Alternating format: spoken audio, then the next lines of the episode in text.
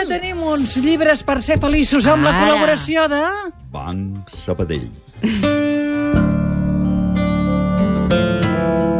Per ser eficaç, un llibre d'autoajuda requereix dues coses. Primera, l'ajuda que et suggereix t'ha d'ajudar, evidentment. I segona, sense la qual la primera és impossible, la persona que s'intenta ajudar hauria de tenir alguna idea de quina ajuda necessita. En altres paraules, perquè puguem col·laborar en la feina, tu has de saber prou bé el que vols i on vols arribar. Al cap i a la fi, els llibres d'autoajuda són carrers de doble direcció. Relacions. Així que sigues sincer i formula't la pregunta següent. Arribar a ser fastigosament ric continua sent l'objectiu que et proposes per sobre de cap altre? És l'única cosa que compta? És el gorg a gran altitud embolcallat de boirina on el teu salmó interior pondrà els ous? En el teu cas, per sort, es veu que sí. Perquè has passat els últims anys fent el següent pas essencial. Aprendre d'un mestre. Hi ha moltes habilitats que, com sap tot emprenedor, no es poden ensenyar a l'escola. Requereixen pràctica. De vegades, tota una vida de pràctica. I quan es tracta de fer diners, no hi ha res que comprimeixi el període de temps necessari per passar de la pobresa, on la merda que un caga es queda al mateix lloc fins que la pluja se l'endú, a la riquesa, que permet triar entre diferents lavabos com l'aprenentatge amb algú que ja té totes les perspectives estudiades. Què estem sentint, Eduard Márquez? Estem sentint un, el primer fragment d'un d'un llibre magnífic d'un escriptor pakistanès de l'any 71 que es diu Mohsin Hamid. Sí. El títol ja és extraordinari. Jo quan el vaig, quan el vaig veure vaig dir jo un, un llibre amb aquest títol me'l compro ja. Sí. Perquè el títol és Com fer-se fastigosament ric a l'Àsia emergent. Bravo! És, és, és extraordinari. I què és? És una novel·la, sí, magnífica, però la gran gràcia d'aquesta novel·la està és que està construïda com una paròdia dels llibres d'autoajuda. Per exemple, eh, els, el, els primers títols dels capítols són Vés-te'n a viure a la ciutat, Procura't una educació, No t'enamoris, Evita els idealistes i així fins a 12. I l'altra gran particularitat, a part d'aquesta paròdia dels llibres d'autoajuda del llibre, és que, i això, els que ens dediquem a això dels llibres sabem que és molt difícil, és que tota l'estona s'està adreçant a un tu. És a dir, és un llibre escrit en segona persona, i això té un mèrit absolutament descomunal, perquè, insisteixo, narrativament és molt difícil. El nostre protagonista, qui s'està adreçant, qui vol ajudar, és un pobre noi, un noi humil, de, de família molt, molt, molt pobra, que davant de la perspectiva, com diu ell en un moment del llibre, de, de viure com un cuc de terra, així ho defineix ell, decideix fer-se ric. I ho diu, vull ser ric, i triomfant al món dels negocis, i en aquest cas com ho fa? Atenció, comercialitzant aigua al sud-est asiàtic, que la cosa ja té nassos.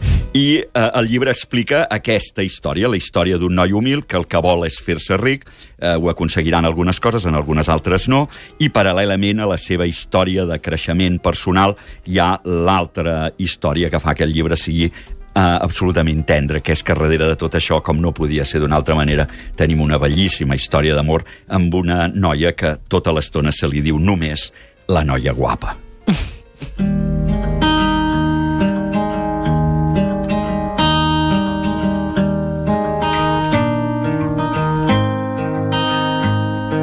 Aquest llibre, ho haig d'acabar reconeixent, potser no ha sigut la millor guia que hi podia haver per arribar a ser fastigosament ric a l'Àsia emergent.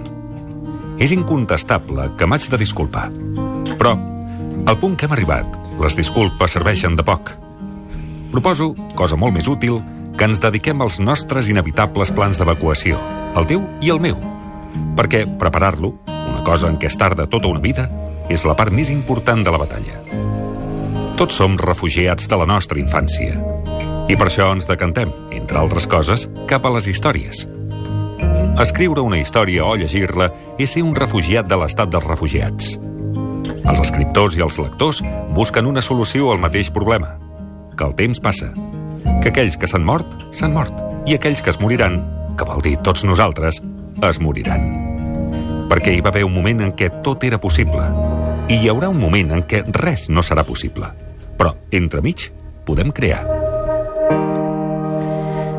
Caram. I ja veus com ho fa, eh? Ho fa Sí. barrejant, per una banda, la novel·la típica de formació, és a dir, algú que creix, el veiem de nen, d'adolescent, després d'adult, eh, barrejat amb un cert to picaresc, eh, a estones s'ho fa amb humor, a estones s'ho fa amb la seriositat necessària de, de qui dona consells, eh, ho fa molta mala bava moral, és a dir, és una crítica al sistema capitalista, a com construïm les coses, a com explotem a la gent, a com ens és absolutament igual com la gent visqui per nosaltres obtenir els beneficis propis, però per l'altra banda té un punt de tendresa absolutament meravellós. Per una banda hi ha la simplicitat d'una prosa, ja ho veieu, gairebé de, de, de manual, però per l'altra banda hi ha la poesia que palpita sota moltes de les, de les imatges. Eh? És un llibre de 174 pàgines, de debò es llegeix en una tarda i, i és una reflexió ideal sobre el preu de perseguir els nostres somnis, no? I per si no ho heu sentit bé, jo em quedaria amb aquesta meravella d'aquí, no? Diu, diu, els escriptors i els lectors busquen una solució al mateix problema, que el temps passa, que aquells que s'han mort, s'han mort, i aquells que es moriran, que vol dir tots nosaltres, es moriran, perquè hi va haver un moment en què tot era possible i hi haurà un moment en què res no serà possible. Però entremig podem crear. És meravellós. Però entremig podem crear. I Estem en és la- l'entremig. Eh, Estem en l'entremig. I aquesta és la grandesa de tot el que intentem fer cada divendres aquí. Ens morirem, eh, segur no ens en sortirem, eh, o potser sí que ens en sortirem. Tot està per dir, tot, ho podem dir tot. Però entremig podem crear. I això és extraordinari. Molt bé, doncs ja veieu aquest llibre que ens ha portat l'Eduard Márquez. És allò de que si tens, si vols buscar el sentit de la vida, corres al perill de trobar-lo. dubte. Corres sí, al sí, perill sí, de sí, trobar-lo. sí, sí, sí, amb un llibre com aquest, que a més és d'autoajuda. Eh? Sí, Com sí, fer-se fastigosament ric a l'Àsia emergent, de Moshin Hamid, ho pronuncio bé, edicions del Periscopi, amb traducció de Carles Miró, la Vives, que està de bon humor, el regalarà als oients, eh? I tant que sí, però no ho regalaré així com així, eh? Ho Molt bé. regalarem amb persones que avui ens parlin a través del Twitter, ens suggereixin llibres que parlin de riqueses diverses, perquè en aquest cas el protagonista volia fer-se ric a, a l'Àsia, no? Venent, venent aigua.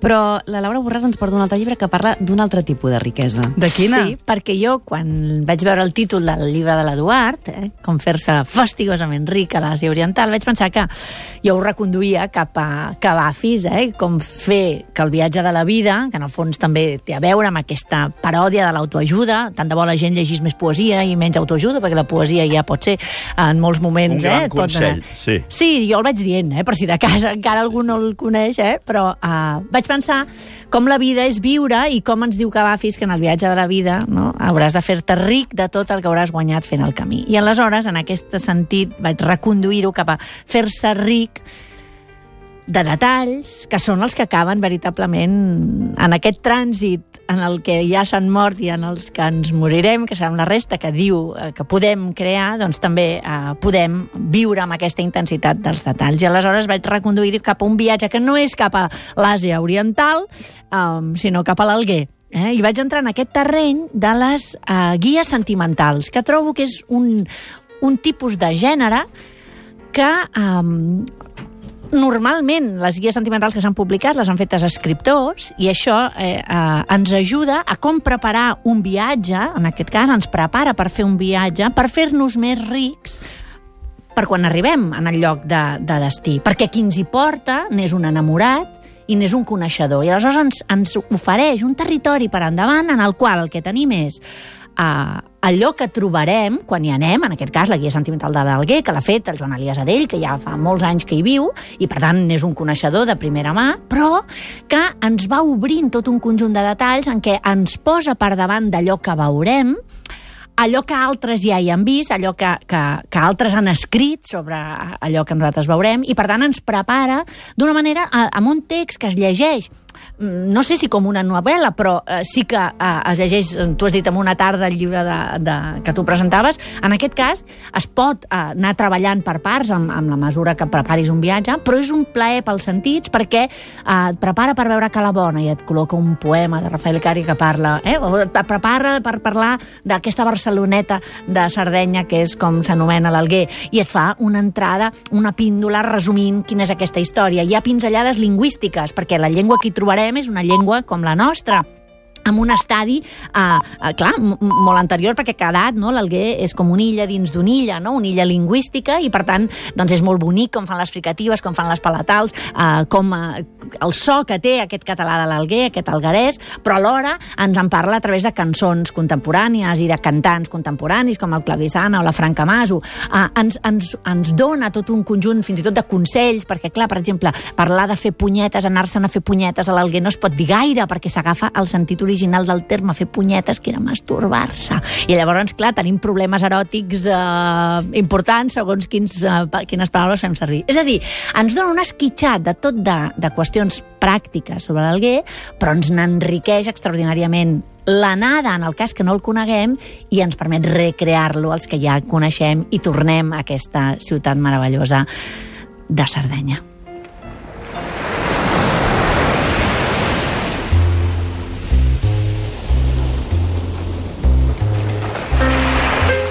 Terres habitades per una mar antiga.